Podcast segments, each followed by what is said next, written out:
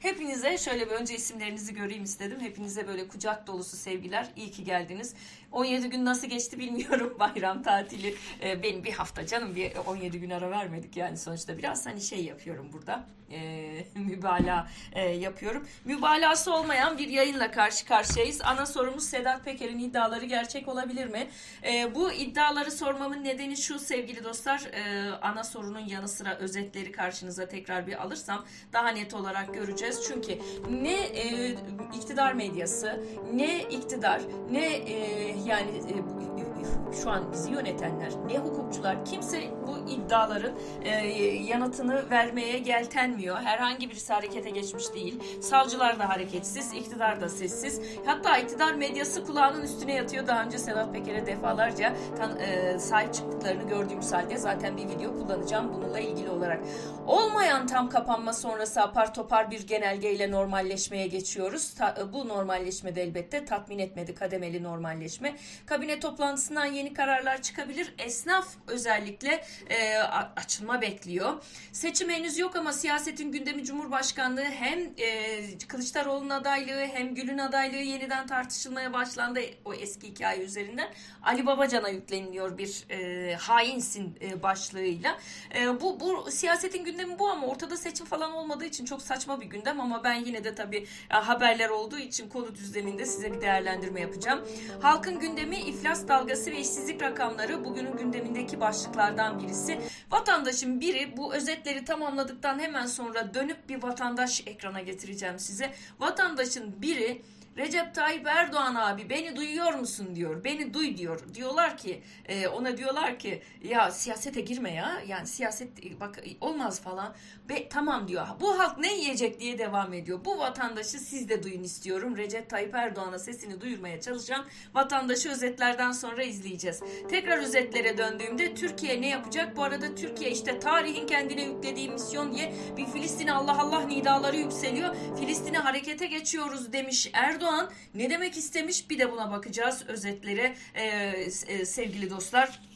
Beş başlık çerçevesinde baktığımızda gördüğüm özetler bu şekilde. Özetlere yalnız geçtiğimde başka haberlerde şöyle bir özet geçeyim istiyorum size. E, Sergen tarih yazdı. Beşiktaşlıları tebrik ediyorum. Beşiktaş'ın e, efendim e, tabii ki e, şampiyonluğu konuşuluyor. Beşiktaş'ın şampiyonluğu konuşulurken hemen bir haber. En büyük geliri UEFA'dan elde edecek. Süper Lig'de son haftaya kalan şampiyonluk mücadelesine ipi göğüsleyen Beşiktaş bu zaferle 1 milyar lira yakın gelir gelir elde etti. Şimdi bu haberi hemen almamın nedeni ne biliyor musunuz sevgili dostlar? Zenginin zenginin serveti züğürdün çenesini yorarmış hikayesi gibi oluyor tam. Bu futbol konusunu ben anlamıyorum. Tamam haklısınız ben anlamıyorum da. Ya futbol konusu inanılmaz bir endüstri, inanılmaz bir para ak- akışı var orada. Ee, ve e, yurttaşlar da fanatik birbirlerini öldüresiye hatta e, zaman zaman e, böyle bir futbol fanatikliği içerisinde, sevgisi içerisinde yaşıyorlar. Acayip bir sektör ben hani Dünya Gazetesi'nde manşette Beşiktaş'ı görünce göreyim istedim. Beşiktaş'a 1 milyar liraya yakın gelir getirecekmiş bu zafer efendim. Türkiye Kupası'nda 15 milyon lira var diye işin ekonomik boyutuna ilişkin bir başka ayrıntı daha dikkat çekmekte bu haberde. Gündemimiz ise Sedat Peker. Zaten ana başlıkta da var. Sedat Peker'in yeni iddiaları sevgili dostlar o kokain mokain meselelerinin yanı sıra yeni iddiaları var. Süleyman Soylu'nun özel kalemiyle ilgili bir takım sözler, yakınıyla ilgili Çevre Bakanlığı'nı sürekli arıyor diye bir e, takım sözler dile geldi. Bu sorulara bakacağım. Şöyle bakacağım ben bugün.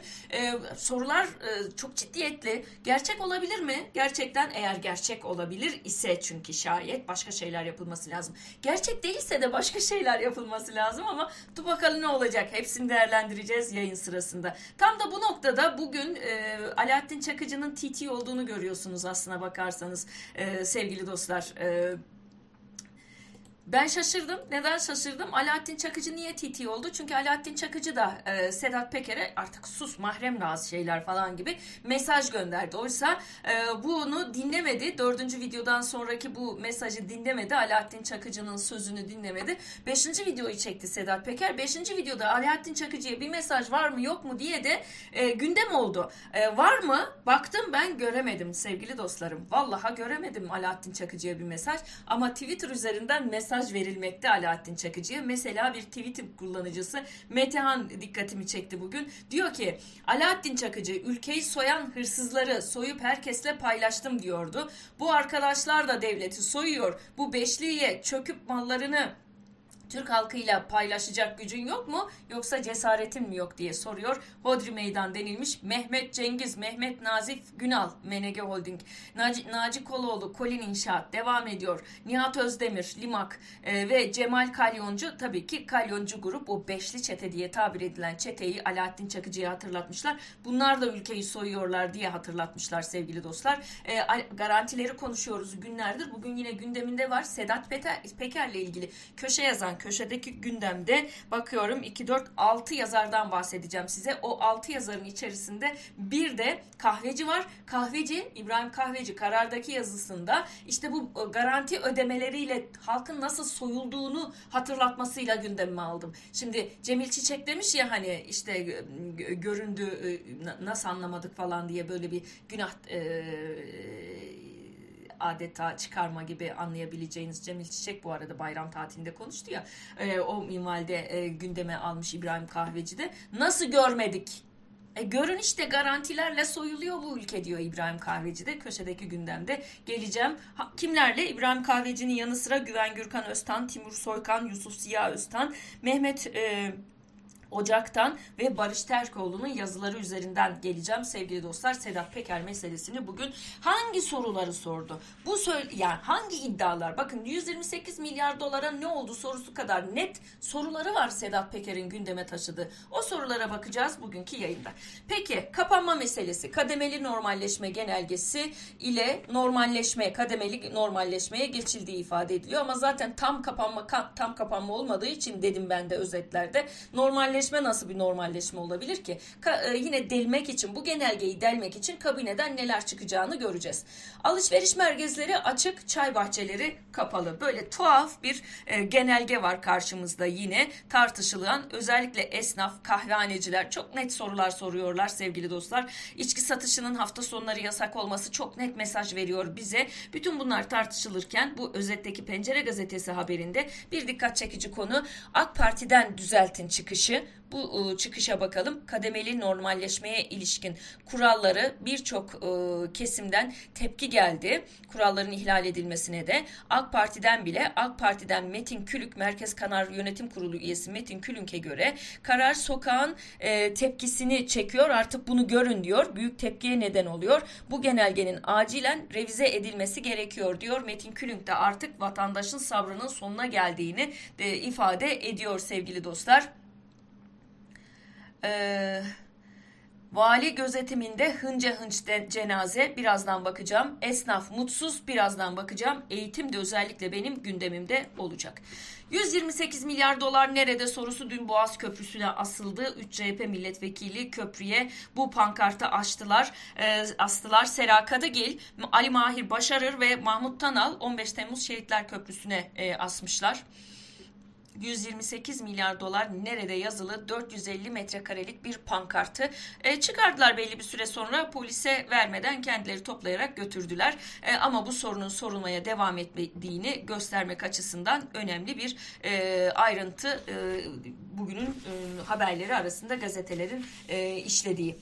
Şimdi e, Pencere Gazetesi'nden devam edeceğim. Ekonomiyle ilgili önemli bir konuyu gündeme getireceğim. Eğer dolar düşmezse başımız çok fena belada diyen e, Atilla Yeşilada'nın yorumlarını karşınıza alacağım sevgili dostlar. Haftaya başlarken böyle bir aman ya Rabbi diyeceğiniz bir yorum bu. Pazartesi dolara dikkat demiş Atilla Yeşilada. Bugün pazartesi dolara dikkat bayramda gördüğümüz 8.50 lira düzeyindeki fiyatlama suni fakat pazartesi yeniden 8-20 lira seviyelerine dönmezse hemen arkasından bir enflasyon dalgası gelecek diye uyarıyor. E, endişe verici bir uyarı. Ben de sizinle paylaşıyorum. Atilla Yeşilada'nın bu teknik yorumlarını sevgili dostlar. Burada bir minik minnacık bir parantez daha açayım. E, doların 8-20'lerde e, kalmasını sağlayan şey kamu bankalarıyla yapılan operasyon. Fakat kamu bankalarının da borcu gırtlağa geldiği için artık sürdürülebilir bir noktada olmadığımızı görüyorum Ee, sevgili dostlar dövizle ilgili şöyle gözümü çevirdim ne görebilirim e, diye. E, avronun yine 10 binin üzerinde olduğunu görüyorum ama doları e, bekliyorum. Doları da göreyim ondan sonra konuyu değiştireceğim. 8.31 seviyesinde programımıza başladığımız şu dakikalarda gözümüz kula, kulağımız yine orada olsun. Atilla Yeşilada'dan sonra devam edelim yine gündemdeki ana e, hatlara bakmaya. Bugün Ekrem İmamoğlu'nu konuşacağız. Burada ekonomiyle bağlantılı olarak olarak bir e, Türkiye'nin Artvin'deki Sarp sınır kapısındaki fotoğrafına yine pencereden getireyim ekrana istedim.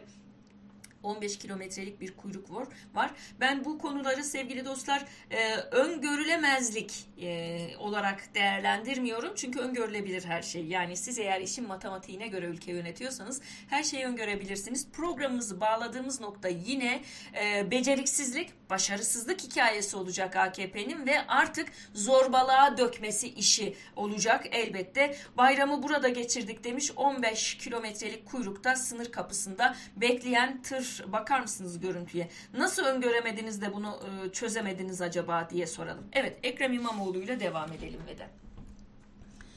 Ee, İmamoğlu e, bu kez dezenfektan soruşturmasıyla karşı karşıya kalmış. Ee, Ruslar Pekcan bizim dezenfektan gündemimizin ana unsuru, ana karakteri olmasına rağmen Ruslar Pekcan e, itiraf etmiş olmasına rağmen bakanlığına dezenfektan sattığını fakat Ruslar Pekcan'a soruşturma açılmadı efendim. Türkiye Büyük Millet Meclisi hani o bayram arasını e, geçtikten sonra bu hafta itibariyle e, elbette bu konuyu konuşacaktır. Belki mecliste Ruslar Pekcan hakkında bir yüce divan soruşturması talebi de gündeme gelecektir ama asıl asıl e, talep İmamoğlu'na gelmiş.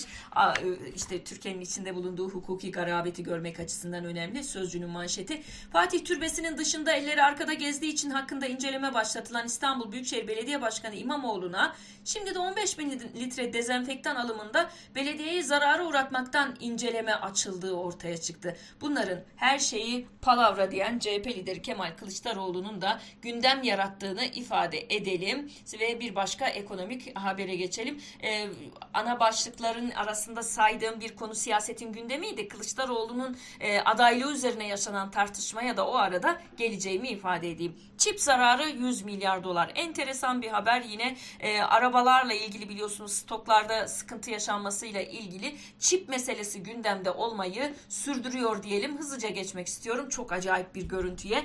E, bu e, Karar Gazetesi'nden sevgili dostlar e, enteresan bir haber.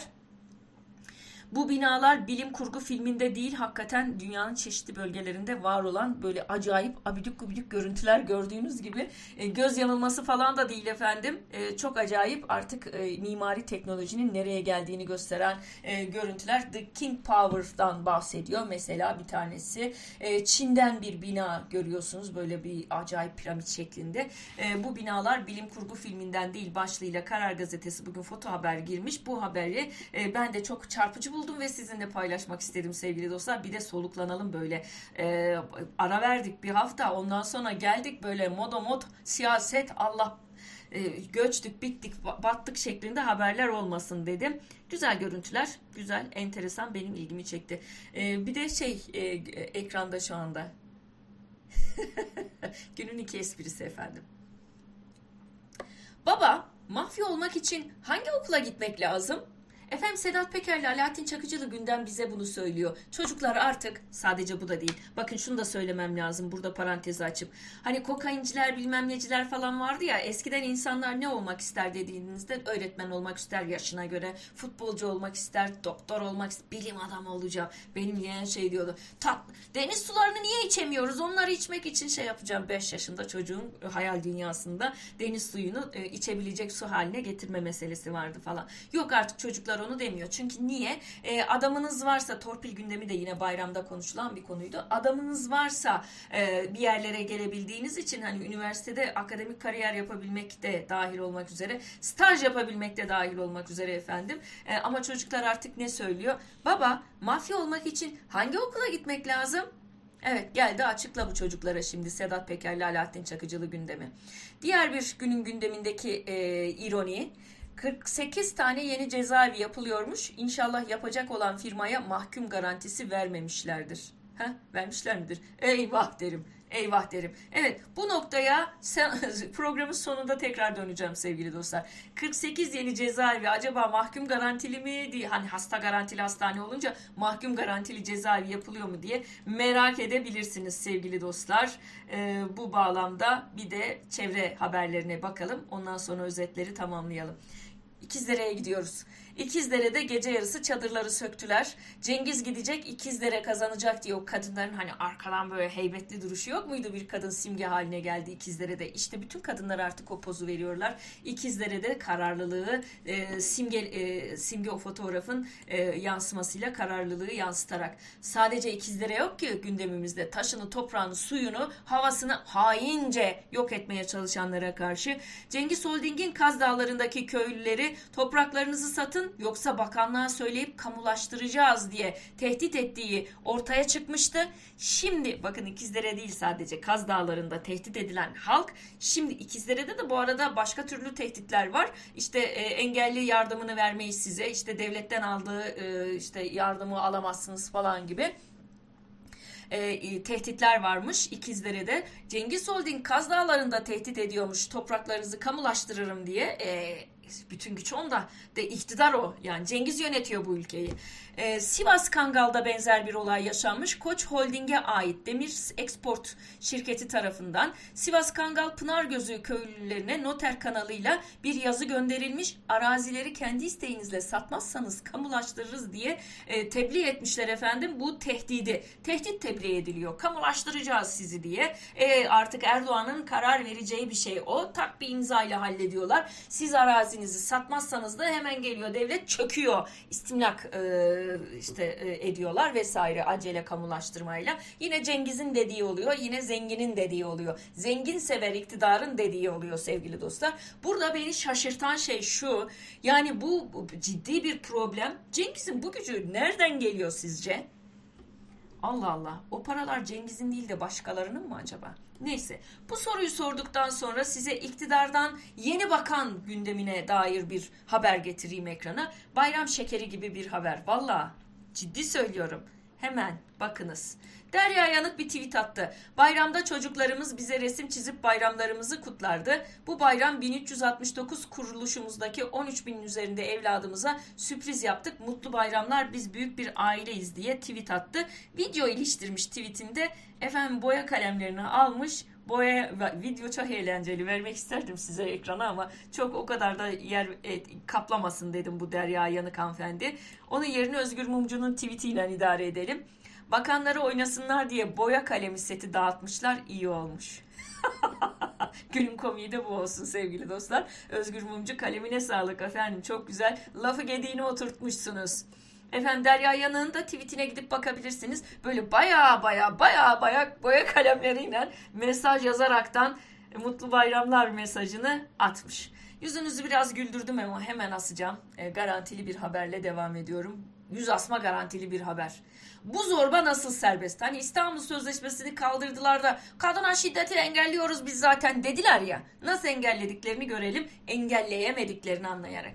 Bu zorba nasıl serbest? Enteresan bir hikaye. Antalya'da Mahsun Tatar, üniversite öğrencisi komşusu Elif Ülkü Eroğlu'na çöp dökmeye şortla çıktığı için saldırdı. Yerlerde sürükledi. 11 Mayıs'ta yaşanan olayda sen o nokta nokta mısın? Böyle giyiniyorsun bizim mahallede bu olmaz diye kızı darp ediyor. Ondan sonra da serbest balık kalıyor. Ondan sonra da kadına şiddeti engelliyoruz öyle mi? Böyle mi engelliyorsunuz? Ve bugüne dair önemli bir haber. SBK Holding'in davası bugün başlıyor. Sezgin Baran Korkmaz'la ilgili Sözcü gazetesinden bir haber. Sevgin Baran Korkmaz ve 8 sanığın kara para aklama suçlamasıyla açılan davası bugün başlayacak. Halen yurt dışında kaçmış bulunan, ben alt araya bir kaçmış kelimesini atayım.